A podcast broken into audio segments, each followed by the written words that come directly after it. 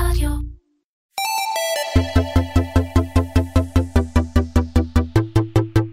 קומרסיישן, מדברים על e-commerce עם תימור גורדון. והפעם עם טומי שיינפלד, מנכ"ל גרו מקבוצת מליסרון.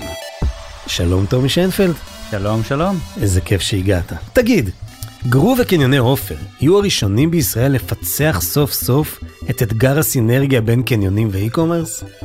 מה שנקרא, ישר קפצת. לבום. למים, למים העמוקים, כן. אה, אז א', אני מאמין שכן. אני חושב ששילוב של אה, חזון מדויק, של אנשי מפתח מאוד מאוד מוכשרים, של אה, גיבוי אמיתי של הדירקטוריון, אה, ותזמון נכון גם מבחינת כל מיני כוחות שוק ומבחינת בגרות טכנולוגית של השוק, אה, בהחלט אה, מציבות אותנו בנקודת התחלה מעולה.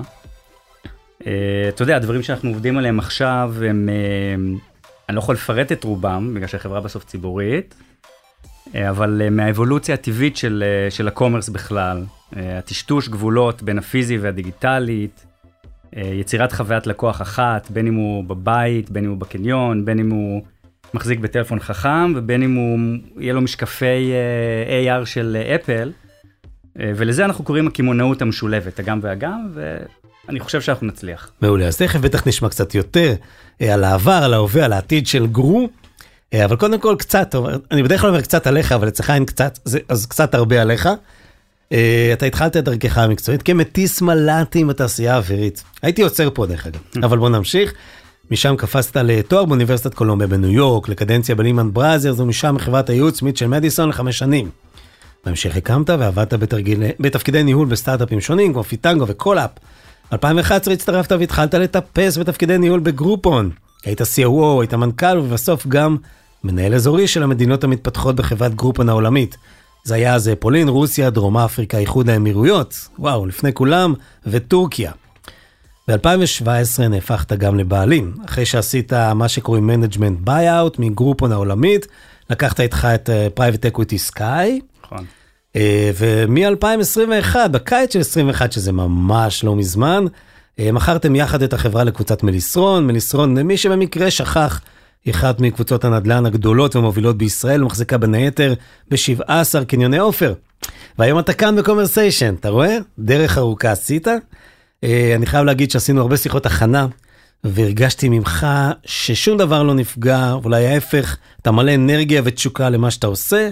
וכשעוד נחזור לאנרגיה הזאת, אבל מה בעצם אתה עושה כאן היום? יש אנשים שיכולים לחשוב שאתה אולי במלדיבים, מעשן סיגר או משהו כזה. מה אתה עושה עכשיו?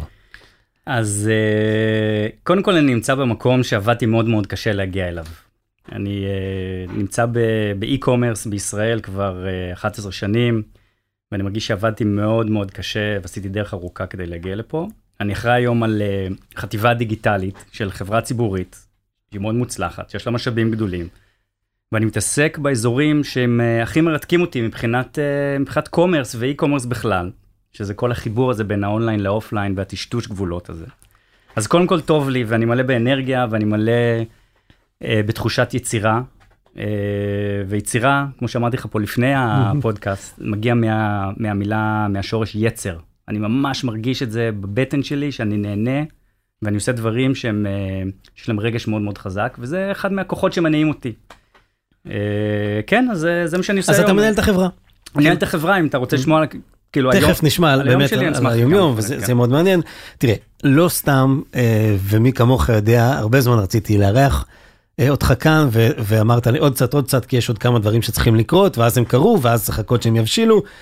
אה, והסיבה היא לא רק כי אתה בן אדם נחמד, ואפשר ללמוד ממך הרבה, אלא גם כי אני חושב שהסיפור האישי שלך ושל גרו, הוא סוג של, אני, אני קראתי לזה שזור כחוט השני באבולוציה של עולם האי-קומרס הישראלי. אתה, הכניסה הזאת לתחום מפרספקטיבה של שיווק ופיתוח עסקי ולאו דווקא של סחר, המעבר לניהול ושינוי פרדיגמה מחברת קופונים בינלאומית למותג e-commerce בינלאומי. הרכישות שעשית בדרך, גם נשמע עליהם, גרופון ישראל בא לי גם, השינויים, ההתאמות, הכפר סבא אפילו. זאת אומרת, לא, שזה לא כל כך תל אביבי, ה e-commerce הישראלי. וכמובן, האקזיטים מליסרון, ההתמודדות עם המון קשיים, המון משברים, סיפרת לי אה, גם בנושא נזילות, תחרות מאוד מאוד קשוחה. אבל אני חושב שמעל הכל המאפיין הוא החוסר רצון, אולי אפילו יכולת לחשוב ולהוריד לרגע את הר- את הרגל מהגז. אז בואו נתחיל מההתחלה. כשהגעת לגרופון אחרי 11 שנים בארצות הברית, מה מצאת שם? מה, מה, מה אתגר אותך? אז באמת אה, חזרתי לישראל אחרי הרבה שנים אה, שגרתי בניו יורק, ואת אה, רוב החיים המקצועיים שלי גם ביליתי בניו יורק ובארצות הברית. אז התרבות היא מאוד מאוד שונה. א', האמריקאים מאמינים במשהו כזה שקוראים לו ווין ווין למשל. אתה מגיע לארץ ואתה מגלה עולם אחר, כן? של רק אחד, אחד מנצח. רק אחד מנצח, ו- והוא תמיד חייב, חייב להראות לך את זה. ותרבות אחרת וקצבים אחרים, אבל... מצד שני פגשתי אנשים אה, מדהימים, הרי את אה, גרופון ישראל הקימו אה, דורי, ללי, יובל, דותן, הם יזמים מדהימים, למדתי מהם המון, הם תוך פחות משנה הצליחו למכור את גרופר לגרופון, mm-hmm. לגרופון העולמית. ו... ונכנסתי אז לחברה שהיא הייתה חברה במילה אחת לוהטת. אחוזי הצמיחה שלנו היו דו ספרתיים.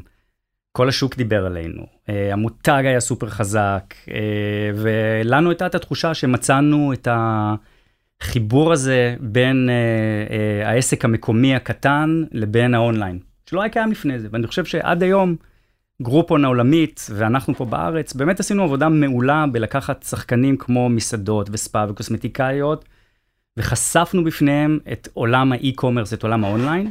אה, זה היה מאוד חדשני, נתן לנו הרגשה מאוד טובה, וגם התעוררנו בבוקר תמיד בתחושה שאנחנו עושים טוב לעולם. מצד אחד, אנחנו נותנים לצרכנים אה, הזדמנויות לחוות, ליהנות, לצרוך, אה, ללמוד על דברים חדשים ולקנות את זה במחיר טוב. ומצד שני, לעסקים, אנחנו פשוט פתחנו אותם לשווקים חדשים. חלקם היינו צריכים ללמד שיווק, היינו צריכים להסביר להם uh, מה המשמעות של, uh, של זה שאני מביא לו לקוח בדלת, נכון, במחיר uh, זול, אה, והוא עכשיו צריך לקחת את זה מפה. והוא צריך להרגיש את הלקוח הזה, והוא צריך לגרום לו לבוא עוד פעם. בעצם, ו... בעצם הייתם הראשונים שהלכו לעסקים קטנים, נכון. אפילו moms and pops, והכניסו אותם לעולם הזה של, של ה commerce, דרך אמנם קופונים, אבל, אבל כן. נכון, זה היה ממש אה, מאוד מאוד חדשני, ו... אתם יודעים, בזמנו גם אה, גוגל רצה לקנות את גרופון, והיו כל מיני הצעות ברמה, ברמה הגלובלית, כי באמת באמת המודל היה מודל מצוין. אני גם חושב שאם אנחנו מסתכלים רגע על הזירה פה הישראלית, אז גרופון העולמית השכילה להשקיע משאבים שאז לא היו מקובלים בישראל ברמת אה, תקציבי שיווק, והרכשנו לעצמנו database עצום, עצום בשנים 2011-2012, יש לנו אה, מעל שלושה מיליון אה, אה, יוזרים רשומים אה, בתקופה מאוד מאוד קצרה. אה, הדגש היה המון על email marketing, על referral marketing, כלומר ערוצי שיווק גם מאוד מאוד זולים במרכאות. Mm-hmm. מה שאפשר לנו לבנות אה, מודל שהוא מאוד מאוד יעיל ומאוד מאוד רווחי. החברה למעשה מדי מהשנה הראשונה להקמתה, היא חברת e-commerce רווחית. זה מאוד מאוד נדיר בנוף, אה, בנוף הישראלי, עם שוק שהוא יחסית, אה, יחסית קטן ותחרותי. באיזשהו אופן עזרתם להם לדלג מעל המכשול אה, זאפ גוגל הזה, זאת אומרת, הם היו פחות צריכים אותם. נכון. אתם, אתם גם הבמה וגם הקידום. נכון, לעסקים הקטנים זה נכון, ו, ואני חושב שמאוד מהר גם הבנו. שאנחנו צריכים אה, ללכת מעבר לעסקים הקטנים. עסקים הקטנים זה שוק, אה, אה, קוראים לזה באנגלית הרבה פעמים the fortune at the bottom of the pyramid, כאילו mm-hmm. יש עושר מאוד מאוד גדול ב... בעסקים האלה, הם נורא גדולים, זה, זה הזנבות הארוכים, זה, זה ה mom and pop shops, אבל בסוף כמות הכסף והמאמץ שאתה משקיע אה, בשביל אה, אה, לעבוד עם כל אחד קטן כזה, הוא מאוד מאוד גדול, בעוד שאנחנו התחלנו להבין כבר בשלבים האלה שאנחנו צריכים scale, אנחנו צריכים למצוא דרכים לעבוד עם שחקנים גדולים יותר, למכור אה, אה, קופונים, שוברים, שימכרו לנו אלפים ועשרות אלפים, אה, ולאט לאט בגלל זה העסק התחיל להשתנות ולזוז מעולם של קופונים לעסקים קטנים לקטגוריות חדשות. ומה היו הקטגוריות האלה? הקטגוריה הראשונה זה קטגוריית התיירות, שאני הייתי אחד מהאנשים שהרימה אותה, אה, יחד עם, אה, אה, עם עוד חבר'ה בחברה. והקטגוריה השנייה שנכנסנו לזה e-commerce. e-commerce כמו שאנחנו מכירים אותו, ממש מוצרים שנמכרים, מגיעים בדואר, נשלחים, ומה שמיוחד במודל ומה שאפשר לנו כל השנים האלה להצליח, לשגשג, להיות רווחיים, זה השילוב הזה בין השלושה. כי אם אתה חושב על זה, בסוף באתר e-commerce אתה מחפש תמיד היצע מגוון, אז ברגע שאתה מוכר גם קופונים למסעדות ולספא, וגם טלוויזיות וריהוט, ומצד שני חופשות וכו', תמיד יש לך היצע מאוד מאוד מגוון. שתיים, אתה מחפש uh, reason why, frequency. אתה רוצה שללקוח תמיד תהיה סיבה לבוא ולראות מה יש אצלך. עכשיו, כשאתה מוכר רק מוצרי חשמל, אז לקוח יבוא אליך פעם ב-X, או שאתה תצטרך לעבוד מאוד מאוד קשה למצוא אותו בגוגל ובכל מיני מקומות ולשלם על זה הרבה מאוד כסף. אבל אם אתה שחקן שיכול להציע לו יום אחד כרטיס כניסה ללונגל, ומחר אה, אה, אה, ספא קרוב לבית שלו, ומחרתיים אה, טלוויזיה, ואת הטיול הזה לוורשה ב-999 שקל, תמיד יש איזה reason why, ולכן אנחנו ראינו המון המון traffic, ועדיין אנחנו שחקן traffic מאוד מאוד גדול, traffic שלנו... כי, כי, ו... כי, כי הפכתם בעצם ל destination, זאת מקום שאליו מגיעים, כי יודעים שאפשר למצוא בו כמעט הכל. נכון, הפכנו ל destination, ומחברה שהתחילה מ... push marketing, שבעצם דוחפת לאנשים ככה לגרון ואומרת, הנה, הנה המבורגר ב-50% הנחה, בוא כדאי, זה 6 בבוקר, אתה, אתה לא רעב להמבורגר, אבל, אבל קשה לסרב לזה. כן, אני זוכר את זה. אז הפכנו לחברה שבאה ואומרת, בואו, כאילו, תהפכו את אה, אה, אה, גרו, ואז היה עוד גרופון, אה, ל-weekly habit. כלומר, איך אנחנו אה, הופכים את, שאלנו את עצמנו, איך אנחנו הופכים את הביקור אצלנו לביקור שהוא ביקור שבועי, לא ביקור יומי. ועד היום, עד היום אתה רואה ב database, יש לנו אנשים שאנחנו קוראים להם גרופוהוליקים, mm-hmm. שהם קונים אצלנו כל שבוע, כל שבוע, וכמובן שלא מדבר על כל הכניסות והתדירות שיש לנו, וזה בסוף בסוף אפשר לנו איפשהו להצליח בשוק מאוד תחרותי, אה, עם שולי רווח קטנים, אני לא צריך לספר לך מה זה e-commerce, אה, שאתה ה marketplace, כן, אני לא מחזיק בסוף בסחורה. Mm-hmm. כן, אז זה, אז, ה... אז, זה, אז, זה הסיפור. אז זה בעצם מה שעשיתם, ואז אחרי כמה שנים, אתה מגבש קבוצה, הזכרנו קודם עם סקאי, אה, שמחליטה לקנות את גרופון מידי החברה הבינלאומית. מה, מה גורם לך ללכת למהלך כזה? אז uh, אנחנו מדברים על שנת 2016, וגרופון ישראל נמצאת uh, בשיאה. אני, מלבד היותי מנכ"ל של, ה, של החברה פה בישראל, אני ניהלתי אזור שלם של עוד מדינות. ו, וכחלק מהתפקיד, התפקיד בכיר של VP כזה בימיה, ראיתי איך החלטות מתקבלות בהנהלה המאוד מאוד בכירה של, אה, של גרופון בשיקגו. וראיתי איך לאט לאט הם uh, מסיטים משאבים ממדינות שבעיניהם היו מדינות קטנות, ישראל אחת מהן, אבל זה יכול להיות גם אמירויות, וזה יכול להיות גם ספרד ו- ואיטליה ואחרות, וכל המשאבים, בין אם זה שיווק, ובין אם זה טכנולוגיה, ובין אם זה פשוט בכלל attention של, של הנהלה, עוברים ל big territories, לארצות הברית, לקנדה, ל-UK, מקומות כאלה. ו... ואז שלחו אותי אה, אחרי שהיא תקופה לסגור את גרופון טורקיה. אוקיי. אה, וגרופון טורקיה היה גרופון די מצליח. אה, אז זה הדליק לך איזה נורא. ופתאום אני מסתכל, אני אומר, כן, אומר, יש, פה, יש פה מדינה מתפתחת, e-commerce הוא בחיתוליו, אנחנו יכולים להצליח פה. והם פשוט החליטו שזה לא שווה להם יותר. לקחתי את זה, חיברתי, עשיתי אחד ועוד אחד ואמרתי, אם נמשיך ככה, הזדמנות. אנחנו מצד, יש סיכון, הסיכון okay. הוא הסיכון ש... אתה יודע, קוראים לזה באנגלית uh, death by a thousand cuts. okay. זה השיטת עינויים uh, ב-medieval days, כן. שפשוט היו דוקרים בן אדם uh, עד שאתה לא. חתיכות קטנות, אלף uh, חיתוכים קטנים עד שהוא כן. היה מת מכאבים, אז, אז הבנתי שאנחנו בדרך לשם, זאת אומרת, הם לאט לאט, לא בכוונה, הם ייקחו לנו עוד משאב ועוד משאב ועוד משאב, ולא ולא ולא ולא ולא. ובסוף נמצא את עצמנו משחקן, באמת האי-קומרס המוביל בישראל לשחקן שלא הצליח, ו... ואמרתי בוא ניקח את הסיכון הזה ונהפוך אותו להזדמנות כמו שאתה אומר. אה, וגם אה, היה פה איזשהו אלמנט, אה, נקרא לזה אולי מצפוני, רגשי, שבאתי ואמרתי אני, אחראי למאה משפחות. מאה עובדים היו אז? מאה עובדים היו אז. אני, אני, אני צריך לדאוג לפרנסה שלהם. אני, בגלל שיושב מישהו באיזה קורפרט ומקבל החלטה שרירותית, אנחנו פה עכשיו ממקום באמת של הצלחה, אנחנו נסבול, לא נראה לי הגיוני. ו- וזהו, והשאר זה, זה היסטור. בעצם הצעתי להם, אה, הייתה... הצעתי להם שאני אקנה את החברה. והייתה מלחמה על זה? זאת אומרת, הייתה, הייתה מולכם או מישהו אחר, כאילו הם חיפשו גם גופים אחרים אולי? אז, אז עד שאני הצעתי הם לא, הם לא חשבו על זה בכלל. זאת אומרת, באמת זה הפתיע אותם, mm-hmm. כי הם לא ראו את מה שאני ראיתי. אה, בהתחלה הם מאוד נרתעו.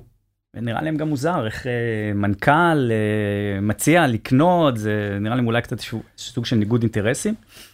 אה, אבל אחרי כמה חודשים חזרו אליי ואמרו לי, אה, טוב, על מה חשבת? בוא תספר לנו קצת. אה, סיפרתי להם פחות או יותר את התוכניות, מה אני חושב. הם, הם, הם היו יחסית מגובשים. דיברתי באותו ערב כבר עם המנכ"ל של כל גרופון העולמית. הם היו חשדנים לגביי, זאת אומרת, בסופו של דבר הם באו ואמרו, מי זה הטומי הזה, מה היכולת שלו עכשיו לקנות אנטיטי, e-commerce מאוד מצליח, להוציא עכשיו סכומים מאוד מאוד גדולים של עשרות מיל, אה, מיליונים. ובעצם, אה, אני חושב שהסיפור הזה התחיל מאיזה מבחן, הם באו ואמרו לי, תקשיב, אה, אם תוך שבוע אתה מביא לנו הצעה ממשקיע מוסדי. אה, כאילו אה, מין אה, letter כזה, letter of intent. LOI, כן. כן, LOI. אה, אנחנו אה, נשקול ברצינות את ה... אוקיי. ניתן לך את הסיכוי, נקרא לזה ככה. בוא נגיד, זה היה שבוע בלי שינה. אוקיי. אה, דיברתי עם כל מי שיכלתי. האמת, האמת שאני חייב להודות שעוד בפעם הראשונה שהצעתי להם את זה, עשיתי המון שיעורי בית. כלומר, אה, אתה יודע, אתה- אתה יכול לספור על יד אחת את כמות הפעמים בישראל שהנהלה מקומית עשתה management buyout מחברה בינלאומית. הרי בדרך כלל באמת זה קורה הפוך, בדרך כלל באים ועושים אקזיטים, מוכרים לחברה בינלאומית, אנחנו פה עשינו תהליך הפוך. היה מאוד קשה, היה קשה למצוא אנשים שעשו את זה, שאפשר ללמוד מהם. חקרתי, קראתי, למדתי מה זה עולמות ה private equity, ואיך עושים, ודיברתי עם בנקאי השקעות, וחברים ולא חברים. אה, והייתי קצת מוכן, אז השבוע הזה שהם נתנו לי, זה שבוע שכבר אני מנטלית התכוננתי אליו.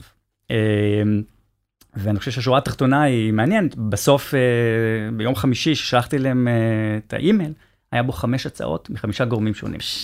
הם לא האמינו. הם לא האמינו, הם לא אוקיי. האמינו, ואז הם... אה, הם- ואז את ה... אוקיי.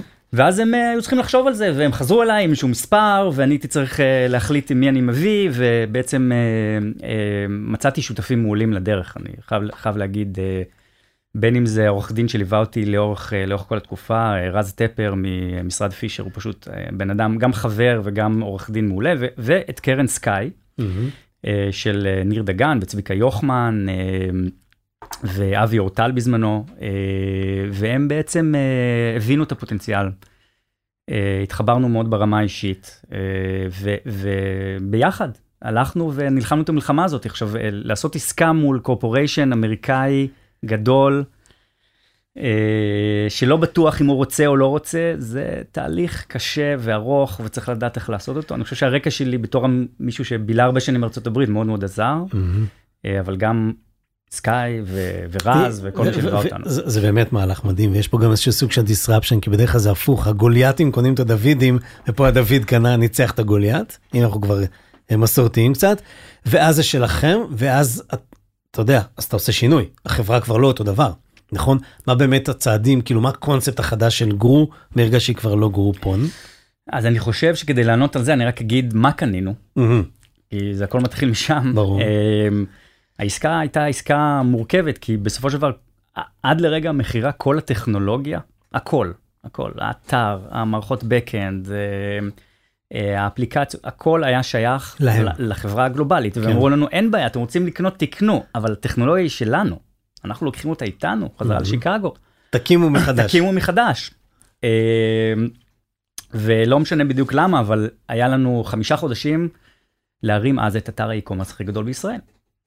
וזה האתגר הראשון. זאת אומרת, בנינו, אה, אה, ידענו שאנחנו צריכים לבנות את זה custom made, אה, בצורה שמתאימה למידותינו, ומצד אה, שני לא לבלבל בין אה, דברים שהם must have לבין דברים שאפשר בהתחלה לעשות עם, אה, אני קראתי לזה מקלות ואבנים. מהמם. אתה יודע, להריץ אקסלים, גוגל שיטים, לבנות תהליכים עוקפים, לא הכל חייב להיות במערכות הכי מושלמות, אבל העיקר שהלקוח יקבל חוויית לקוח טובה. וזה מה שעשינו, זאת אומרת, אנשים בסוף קמו בבוקר של אה, 21 במרץ אה, 2017 וראו אתר שנראה אתר יותר טוב ממה שהם הכירו יום לפני. אה, הדאטה שלהם היה שם, השוברים שהם קנו היו שם, הקרדיטים שלהם היו שם, ההרשמות שלהם עבדו, הכל עבד, הכל, הכל עבד. מאחורי הקלעים, בלאגן שלם. אני ו- יכול- אני יכול רק להעריך כן. איזה טירוף זה. טיר- טירוף, טירוף. אבל- ויחד עם זה, Mhm. מודל עסקי חדש, כמו ש... כמו ש... שנכנסת יותר ל commerce, פחות שוברים, יותר מכירת סחורה. נכ- נכנסתם גם פוזיציה על מלאי מתישהו? אמ, אז א', אה, פתאום ההשתחררות הזאת מה... מהכבלים האמריקאים. מהכבלים האמריקאים אפשרו לנו לפתוח המון מודלים עסקיים חדשים. אז אז כשישבנו ביחד עם סקאי והסתכלנו על חברה, אמרנו, יש פה database ענק. אה, אנחנו יכולים לעשות כל טכנולוגיה שאנחנו רוצים. הלקוחות אוהבים אותנו, מותג חזק, בוא, בוא נתחיל, אה, בוא נתנסה. אז קודם כל חיזקנו מאוד את תחום האי-קומרס אצלנו. כי ראינו לאן הרוח נושבת, הבנו שזה תחום רותח, ראינו גם אותו אצלנו צומח אה, במספרים דו-ספרתיים. אז לקחנו תחום שהיה יחסית אה, קטן אז, והתחלנו להשקיע בו משאבים, אה, בין אם זה לשפר את הלוגיסטיקה בצורה אה, אה, של פיתוחי מערכות שאנחנו נותנים היום לשותפים שלנו ב marketplace, לסלרים שלנו, כלים מאוד מאוד טובים. אנחנו בעצמנו שולטים הרבה פעמים על הלוגיסטיקה, בין אם זה ערוצי שיווק חדשים, למכור מקרר, זה לא באותה דרך, זאת אומרת, ב... זה לא כמו מסאז' או ספא. זה לא כמו לקרוא מסאז' כן. וספא, זה, כן. זה בכלל חשיבה אחרת של לקוח, זה, זה journey אחר, אתה חייב להיות פתאום שחקן גוגל, אתה צריך ללכת לעבוד עם affiliates, אתה צריך לדעת לעשות את הדברים האלה. אה, אז למדנו, למדנו והשקענו ובאמת נהפכנו לשחקן מאוד מאוד דומיננטי בערוצי ה e-commerce, זה התפתח משמעותית, זה היה אזור אחד. ספציפית לגבי... אה, לגבי מלאים, אנחנו עדיין אה, אה, נמנענו ונמנעים מלקחת, אה, מלהחזיק מלאים אצלנו, אנחנו mm-hmm. כן לוקחים פוזיציות. Okay. אוקיי. אנחנו כן יכולים לבוא ל, אה, אה, לסלרים שאנחנו אה, סומכים עליהם, אה, ולהתחייב, בעצם לשלם להם מקדמות, mm-hmm. ו, או לקנות ביחד איתם. Mm-hmm. הרבה פעמים גם אה, הקניינים שלי נוסעים איתם לתערוכות בסין. Mm-hmm. אומרים אנחנו רוצים את זה, אנחנו רוצים את זה, אנחנו רוצים okay. את אוקיי. זה, הם רוכשים, אנחנו אתה שם לו commitment, שם לו commitment וזה עובד יפה מאוד. ניסינו להיכנס לעולמות ה private, private לייבלים למיניהם, אה, מכרנו אה, קפסולות לקפה שהן אה, ממותגות, לא גרו, לא, לא גרו, אנחנו כן. פאולו, כן. קראנו לזה פאולו, עשינו הלבשה תחתונה, בוקסרים לגברים, גרביים, כל מיני דברים שיש שם שולי רווח מאוד מאוד גבוהים. ואנחנו עדיין מתנסים, אנחנו עדיין עושים כל מיני דברים כאלה. אל תפסיקו. תשמע, שינוי כזה גם דורש איזשהו שינוי בתרבות ארגונית, ותכף אני אשאל אותך על זה. אבל קודם אנחנו נעשה הפסקה קצרה, נעשה שלוק מהתה, ונקשיב לטיפ של אה, מתי רם מ-Adscale. אה, מתי תמיד אה, מדבר על קידום ושיפור המכירות לחנויות e-commerce, אז בואו נקשיב למתי רם. הטיפ של מתי רם מ-Adscale, מערכת הפרסום המובילה לחנויות e-commerce. אהלן מתי, תקשיב, אנחנו בדרך כלל מדברים כאן על דאטה ושיווק, שזו ההתמחות של אדסקייל, אבל אולי ננסה לדבר על משהו קצת אחר, וזה העניין של שיווק ויראלי, כולם מדברים על זה, אבל מעבר לכל הבאז והרעש, תגיד, יש נוסחה אמיתית למדוד את האימפקט של הדבר הזה? היי תימור, ג'ונה ברגר, פרופסור לשיווק בבית ספר למינהל עסקים וורטון, יצא לחקור בדיוק את השאלה הזאת. הוא שאל מה גורם למוצרים ורעיונות להפוך לפופולריים כל כך שהשיווק שלהם הופך ויראלי, כלומר מפה לאוזן. הוא מצא שישה עקרונות כאלה. העיקרון הראשון, מטבע חברתי. רוב האנשים מעדיפים להיראות טוב בעיני אחרים. מגניבים, חכמים, ערכיים וכדומה. הבגדים שאנחנו לובשים, המכונית שאנחנו נוהגים בה, השעון שאנחנו עונדים, כל אלה משפיעים על הדרך שבה אנשים תופסים אותנו. קוראים לזה מטבע חברתי. כדי לגרום לאנשים לדבר עלינו, אנחנו צריכים למצוא את המיוחדות של המוצר שלנו, או של הרעיון של האתר שלנו, בכדי לספק לאנשים סמל סטטוס שיגרום להם לדבר עלינו, על מנת שהם עצמם ייראו טוב בעיני אחרים. העיקרון השני זה טריגרים. איך, איך, איך נזכיר לאנשים לדבר עלינו? טריגרים זה דבר שגורם לאנשים לחשוב על דברים קשורים. דיברנו בפודקאסט הקודם על המוח שלנו ועל איך הוא עובד, ועל תאי עצב שמתקשרים ביחד ומייצרים זיכרונות, כך זה בדיוק עובד. למשל, כשאנחנו אומרים את המילה פריז, מגדל האייפל ושער הניצחון עוברים לנו בראש פשוט כי הם קשורים לפריז. אנחנו בעצם רוצים לקשור את המוצרים שלנו לסימנים נפוצים בסביבה, על מנת שאנשים ייזכרו בנו כמה שיותר. דוגמה הכי טובה שאני מכיר, והיא באמת מאלפת, היא פרסומת לחטיף קיטקאט שיצא בארצות הברית ב-1986 תחת הסלוגן Give me a break.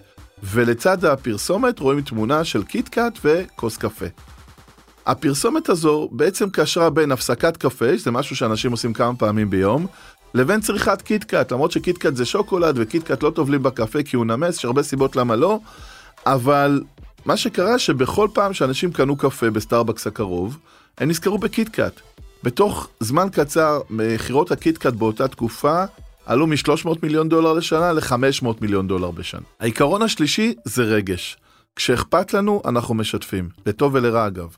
על פי המחקר, יש רגשות מסוימים שגורמים לשיתוף מוגבר, והמטרה שלנו היא בעצם ללבות את האש. רגשות כמו ציפייה או שעשוע בעקבות אה, הומור טוב או יראה, הם רגשות חיוביים שמגבירים את השיתוף. אגב, דווקא שביעות רצון, על פי המחקר, זה לא רגש שמעודד מאוד שיתוף אה, בצורה מובהקת. רוצים דוגמה מדהימה? הנה. מנהל שיווק של חברת בלנדרים. תחשבו כמה נורא יכול להיות התפקיד הזה. המוצר הכי משעמם בעולם, עם תקציב פרסום מאוד קטן, הבחור הזה מצא דרך מבריקה להפוך אותו לוויראלי, דרך הדגמה, דרך סרטומנים והדגמה של תחינת מוצרים פשוט בלתי הגיוניים בבלנדר. הוא טחן אייפון והוא טחן קרשים וזה היה כל כך מצחיק שפשוט כל העולם שיתף את הסרטונים האלה. לכו ליוטיוב, חפשו את סדרת הוידאו שנקראת Will It Blend. העיקרון הרביעי זה פומביות. הביטוי קוף אחרי בן אדם מבטא את, הנשייה, את הנטייה האנושית לחכות. כולנו מחכים כל הזמן בלי לשים לב. אגב, ג'ונה ברגר עצמו אה, הוציא ספר שלם על הנושא הזה שנקרא בעברית השפעה בלתי נראית, מאוד מומלץ. הנקודה היא שאי אפשר לחכות את מה שלא רואים. אנחנו צריכים לתת פומביות למוצרים שלנו, אנחנו צריכים לעצב מוצרים שיוצרים משקעים התנהגותיים שנשארים בשטח. תחשבו על הצמידים הצהובים של לארנס ארמסטרונג למשל. אבל בכל פעם שראינו צמיד צהוב על מישהו, חשבנו על ארמסטרונג.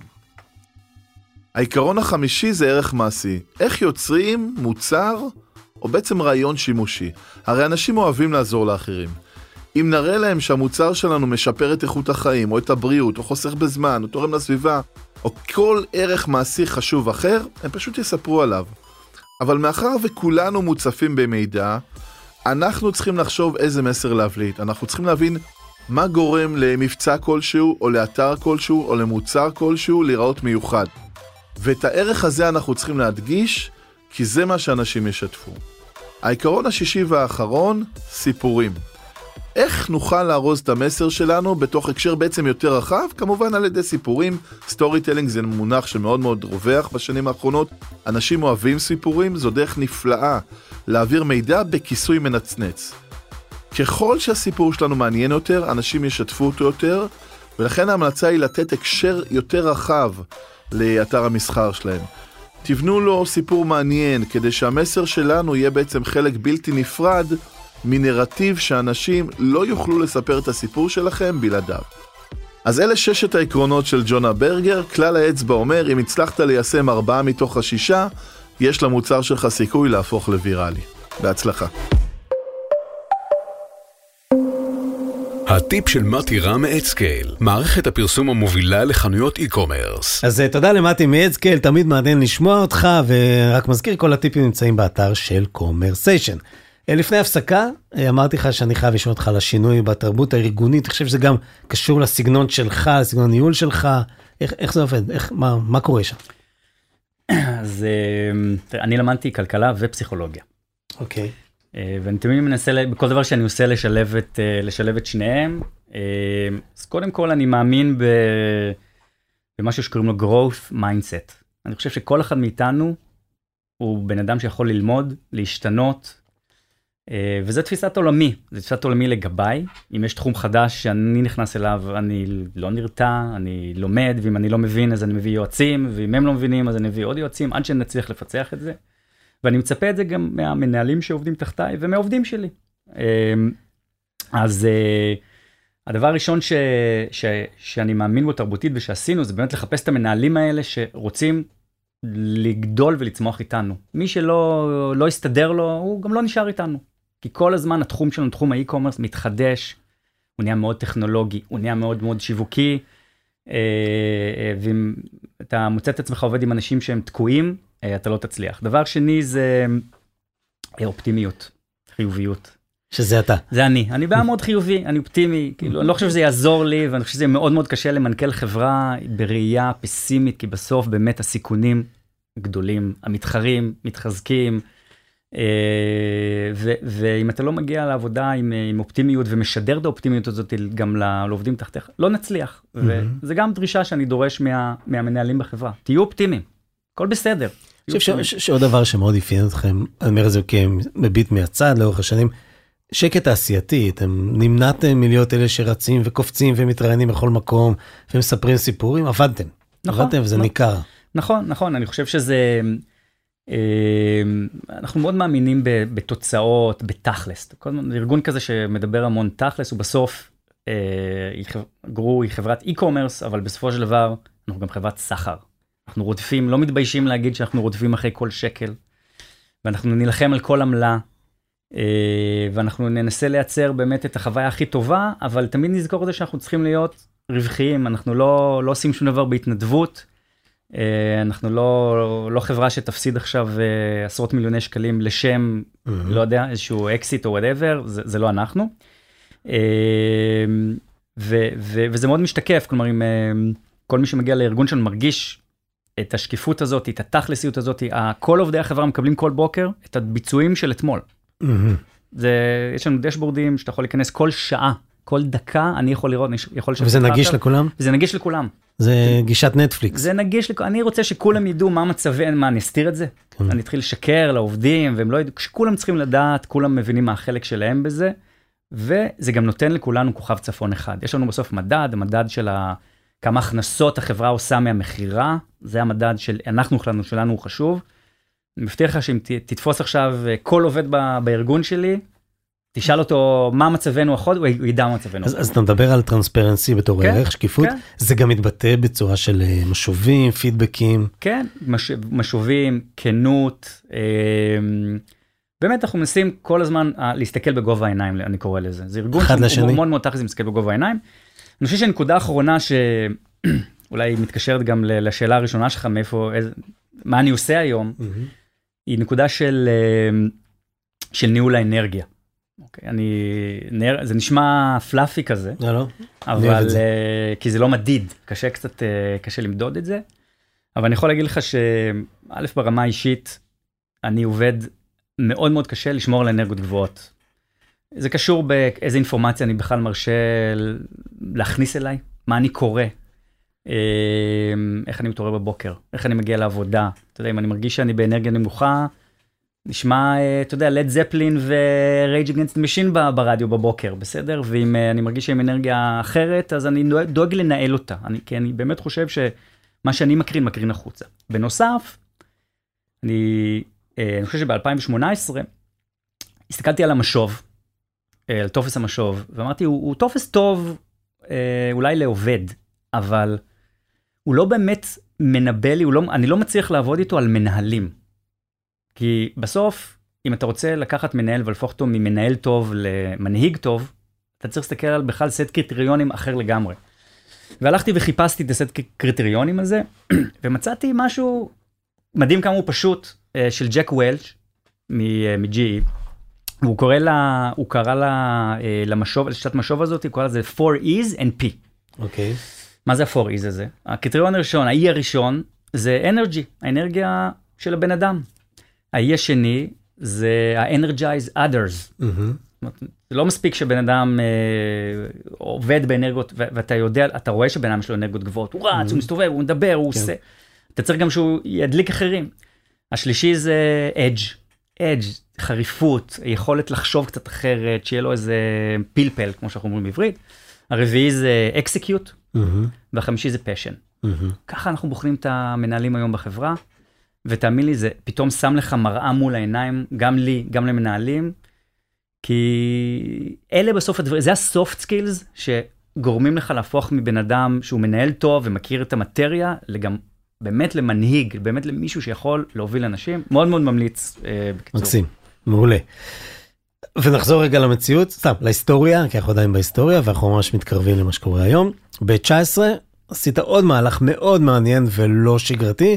אה, רכשתם את אה, באליגם, שהייתה סוג של מתחרה עד אז, אה, עם כל הצרות שבלי גם נקלעה עליהם. איך בעצם הגעתם לזה? זה היה פשוט הזדמנות? כי, כי זה e-commerce טוב בסך הכל. שוב, לא מדבר ברמה פיננסית, ברמת האופר שלו, ברמת העבודה עם הלקוחות, ברמת השירות, האי-קומרס טוב. אמ, מה, פניתם אליהם או שהיה שם איזשהו סיפור של פירוק? מה, מה קרה שם? אמ, אנחנו גם מאוד הערכנו את בליגם, זאת אומרת, הם היו מתחרה אה, חזק.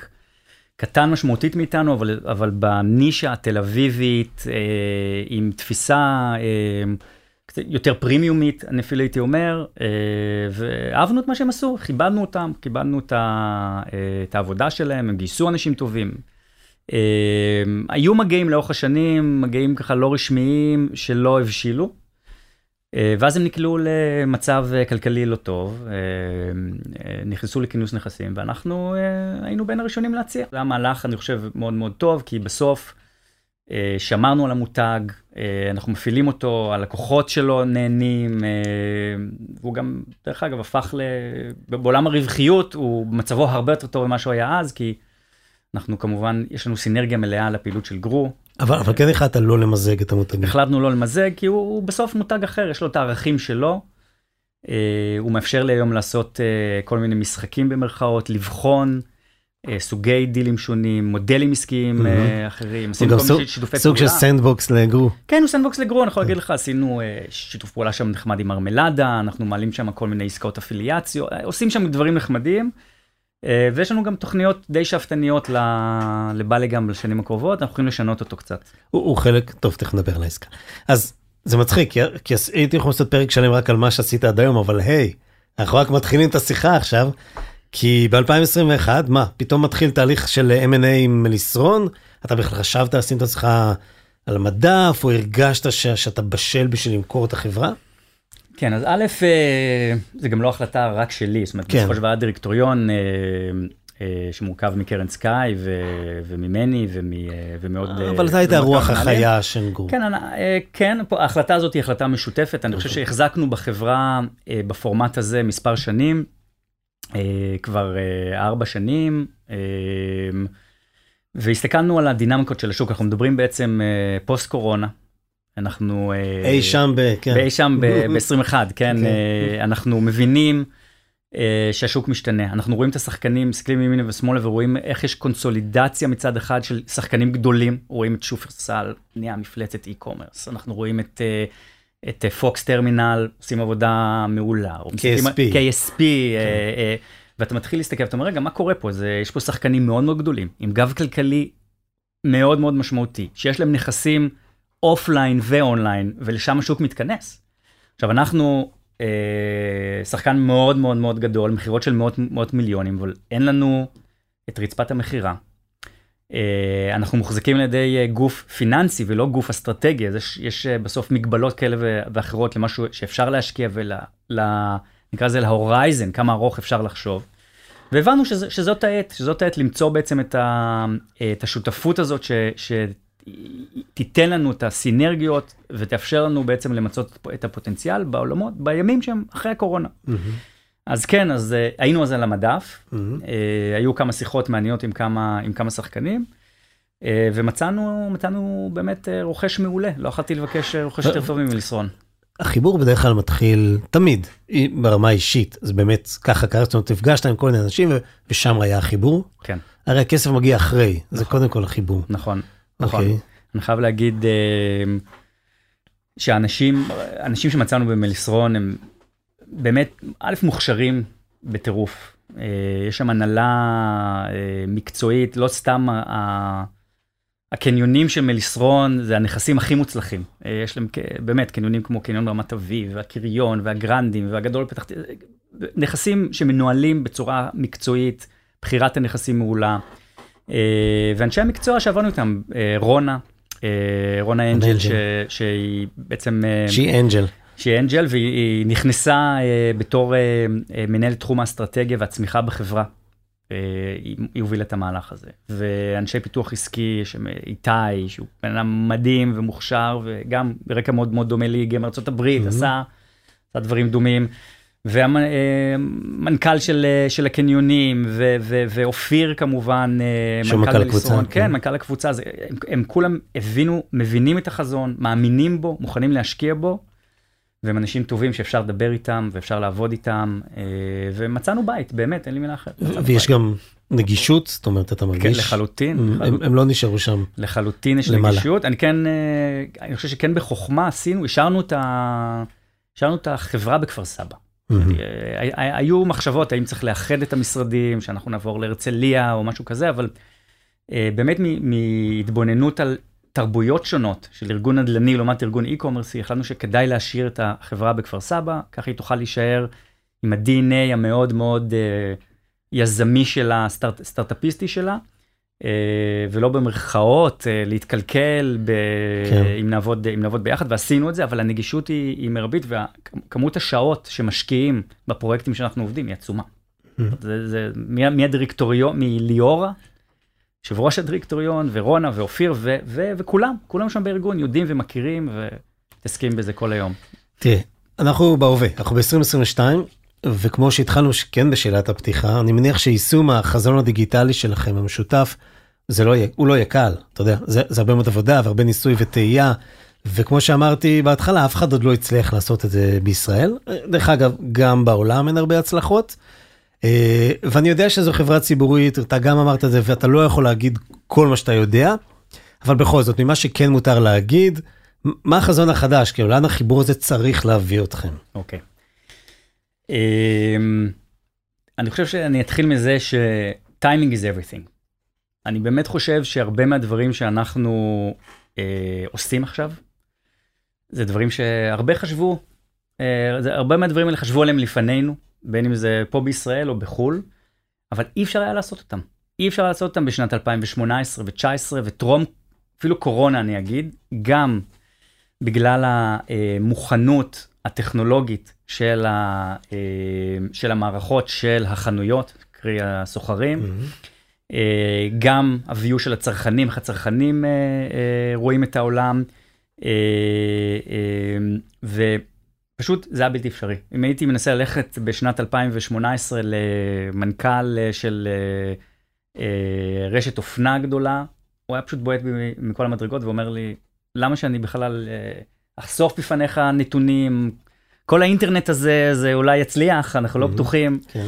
אה, זה, זה המשפטים שהיינו, שהיינו שומעים, אה, והיום אתה שומע שיח אחר לגמרי. היום, היום השחקנים מבינים, אני מדבר על שחקנים, מתכוון לחנויות, הם מבינים שהם צריכים לפגוש את הלקוח בכל מקום שהוא נמצא בו. יכול להיות שהוא נמצא פיזית בקניון, ויכול להיות שהוא נמצא באתר שלהם, ויכול להיות שהוא נמצא באתרים אחרים. אז אמרת משהו. ובגוגל ובעוד מקומות, והם מבינים את זה, הם מבינים שהם, אין להם את הסקייל, אין להם מספיק גודל כדי לייצר את כמות הדאטה הנדרשת, כדי לייצר את הלוגיסטיקה הטובה הנדרשת.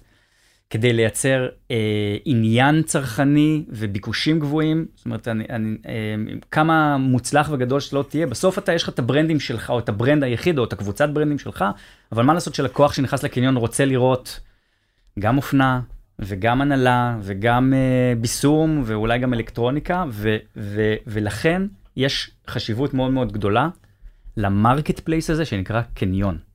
אז למעשה מה שאנחנו מדברים, כל ההקדמה הזאת נועדה כן. כדי שאני אגיד את המשפט הבא, שהקניון הוא היה מאז ומעולם marketplace. פיזי. מקום שבו סוחרים, חנויות, נפגשו עם צרכנים. והתפקיד שלו היה לספק אה, קורת גג, לספק חנייה, לספק אה, ניקיון, אה, להביא תמהיל טוב של חנויות, ואז ה commerce קרה מעצמו. בשנת 22 והלאה, התפקיד של הקניון כ commerce משתנה. הקניון צריך לתת הרבה יותר ערכים, כי הלקוח עכשיו רוצה חוויה אחרת לחלוטין.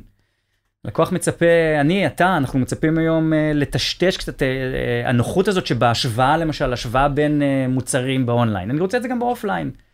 או אה, למה לי להמתין בתור, שאני קונה באונליין לא ממתין בתור, אז אולי אני יכול, אה, אתה יודע, אה, לקנות אה, ולבקש שזה אה, יגיע אליי הביתה. בסדר? יש המון מודלים, אני לא אדבר על כולם, אנחנו באמת לא מתכוונים להמציא שום דבר, אנחנו פשוט מתכוונים ליישם בצורה שהיא נכונה, שהיא שמה את הלקוח במרכז, שהיא שמה את הסוחר במרכז. ו, ו, ו, ו, ו, בסוף מייצרת traffic ופדיונות לקניון. זאת אומרת, אנחנו לא עושים פה מהלך, כמו אולי מתחרה כזה או אחר, mm-hmm. של להרים e-commerce מתחרה בקניון.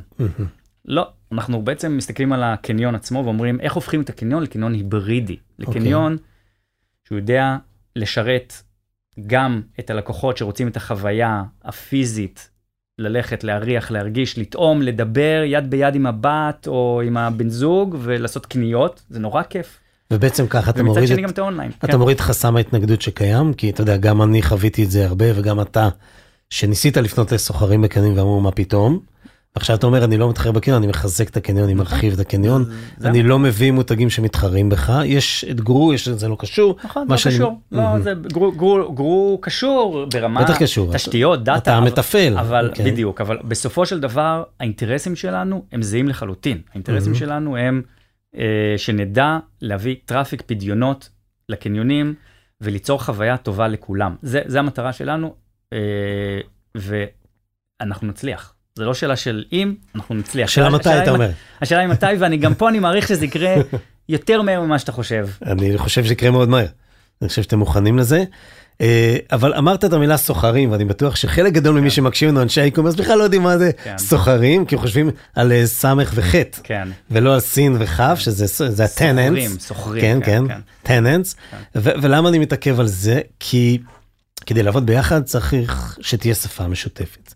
ושוב ניסיון המשותף של שנינו כל אחד בנפרד לא תמיד אנשי האי-קומרס ואנשי הקניונים מדברים באותה שפה באותה טרמינולוגיה אז איך באמת אצלכם אתה סוגר את הפער הזה. כי, כי, כי זו משימה. זה משימה. אמ, תראה, עוד לפני שאנחנו באנו, מליסרון עשו עבודה מאוד מאוד מעמיקה, עבודת מחקר אה, עם יועצים, הביאו אנשים, כך שבוא נגיד לפחות בגזרת ההנהלה וההנהלה הבכירה, הייתה מוכנות למהלך כזה, הבינו, ידעו מה זה conversion rate, והבינו מה זה אומני צ'אנל וכל מיני מונחים. אנחנו באנו והשארנו עוד קצת, זאת אומרת לקחנו את זה ו... אמ, הם היו e-commerce ready. הם היו e-commerce ready, אנחנו לקחנו, הפכנו אותם ל-more ready, אוקיי. וחלק מהפרויקט, חלק מהדברים שאני ואחרים אחראים עליהם, זה ה-change management הזה, זה בסופו של דבר איך אנחנו עכשיו לוקחים את מנהלת השיווק של הקניון ומחברים אותה לפרויקט הזה, ו- ואתה צודק, זאת אומרת, אם, אם בסוף מנהלת השיווק של הקניון או מנכ"ל קניון X לא יאמינו בחזון, אה, לא יבינו את הטכנולוגיה, לא יוכלו למכור את, ה, את המוצר. אז הוא כנראה יעבור לקבוצת קניונים אז אחרת. כנראה כן. אה, אז אנחנו עושים שם הרבה מאמצים והרבה עבודה, וכמו שאמרתי, יש פשוט אנשים טובים, יש עם מי לעבוד, ו- ו- ויש גם כמיהה במר... לפתרונות שאנחנו עושים. אני חושב שמה שקרה, דיברת קודם, קודם קצת על החיבור בין האנשים, אני חושב שהיתרון הגדול של החיבור שלכם, ואני שומע את זה דרכך גם בשיחות אוף דה רקורד שעשינו, שמליסרון היו הרבה מאוד זמן, הם, הם התחממו המון זמן. אתה יודע, זה כמו שחקן NBA שיושב על הספסל, ועוד תכף, תכף, תכף, תכף, תכף, ובודק ומחכה, והוא, וכמו, ובכדורגל, סליחה שאתה אתה דיברת עם אנלוגיות של ניהול מספורט, אתה מדבר, כן. אתה רץ על הקווים ומתחמם, וכשאתה מגיע אתה כבר בסדר, הם כבר היו כל כך בשלים למהלך כזה, בגלל זה דברים יקרו מהר כמו שאני חושב, לא יותר מהר ממה שאני אז חושב. אני, אז אתה, הם גם היו בשלים, וגם לפעמים להמתנה יש יתרון. זאת לגמרי. אומרת, מי שחיכה, כמו כן. מליסרון, הרוויחו עולם עם מוכנות טכנולוגית כן. הרבה יותר טובה ממה שהיה לפני כמה שנים. כן. באמת, אה, מספיק, אה, אתה יודע, אתה יכול ללכת היום למנכ"ל של ריטל, והוא ידע, ידע להגיד לך מה זה API. כן, בסדר, הם, כן. הם, הם, באמת יש, יש, אה, יש מוכנות כזאת, ואני חושב שרק הרווחנו אה. מהסיפור הזה כאן.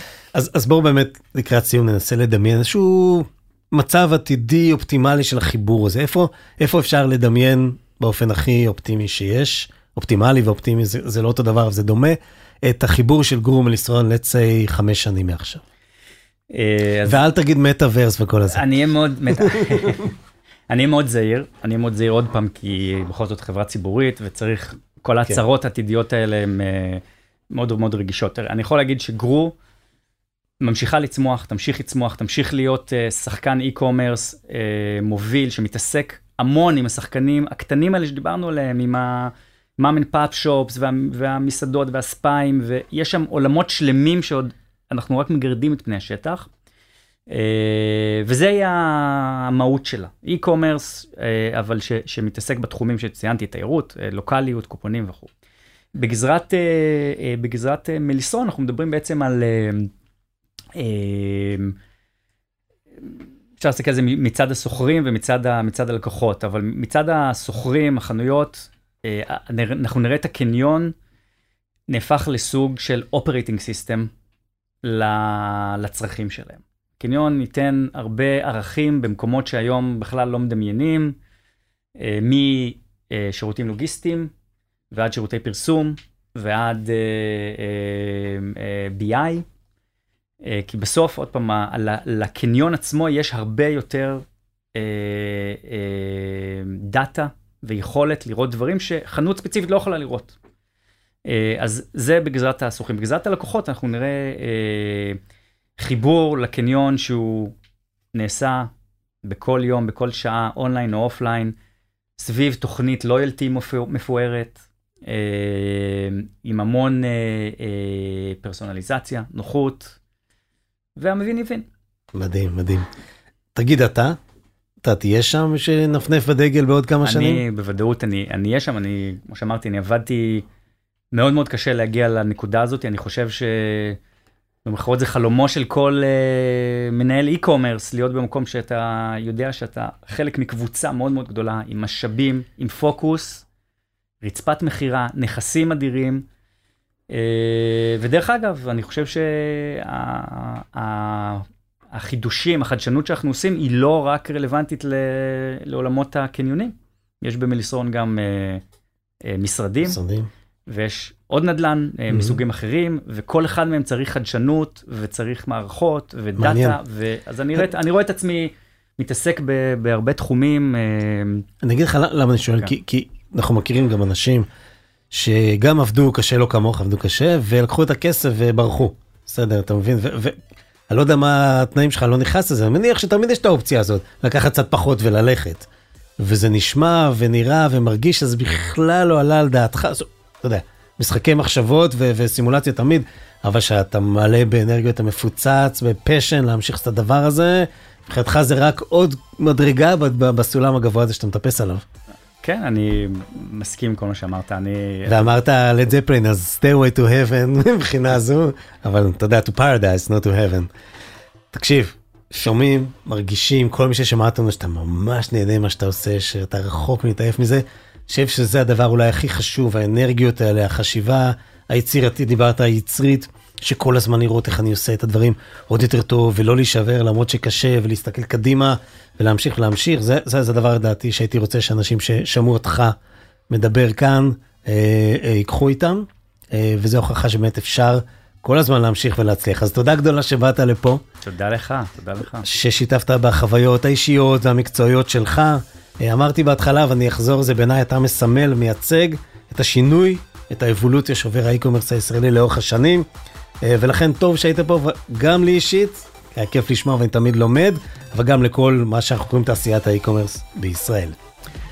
תודה לטומי שיינפלד. תודה רבה. תודה מעבר לחלון לאלי אלון, לאתי יריב מאדסקייל, חברים מאדיו, ולכם המאזינים שעוזרים לי לעשות את קומרסיישן, שהוא, כמו שאני תמיד אומר, סיפורו של ה e-commerce הישראלי בעת התהוותו. אז אה, תודה ולהתראות בקומרסיישן הבא.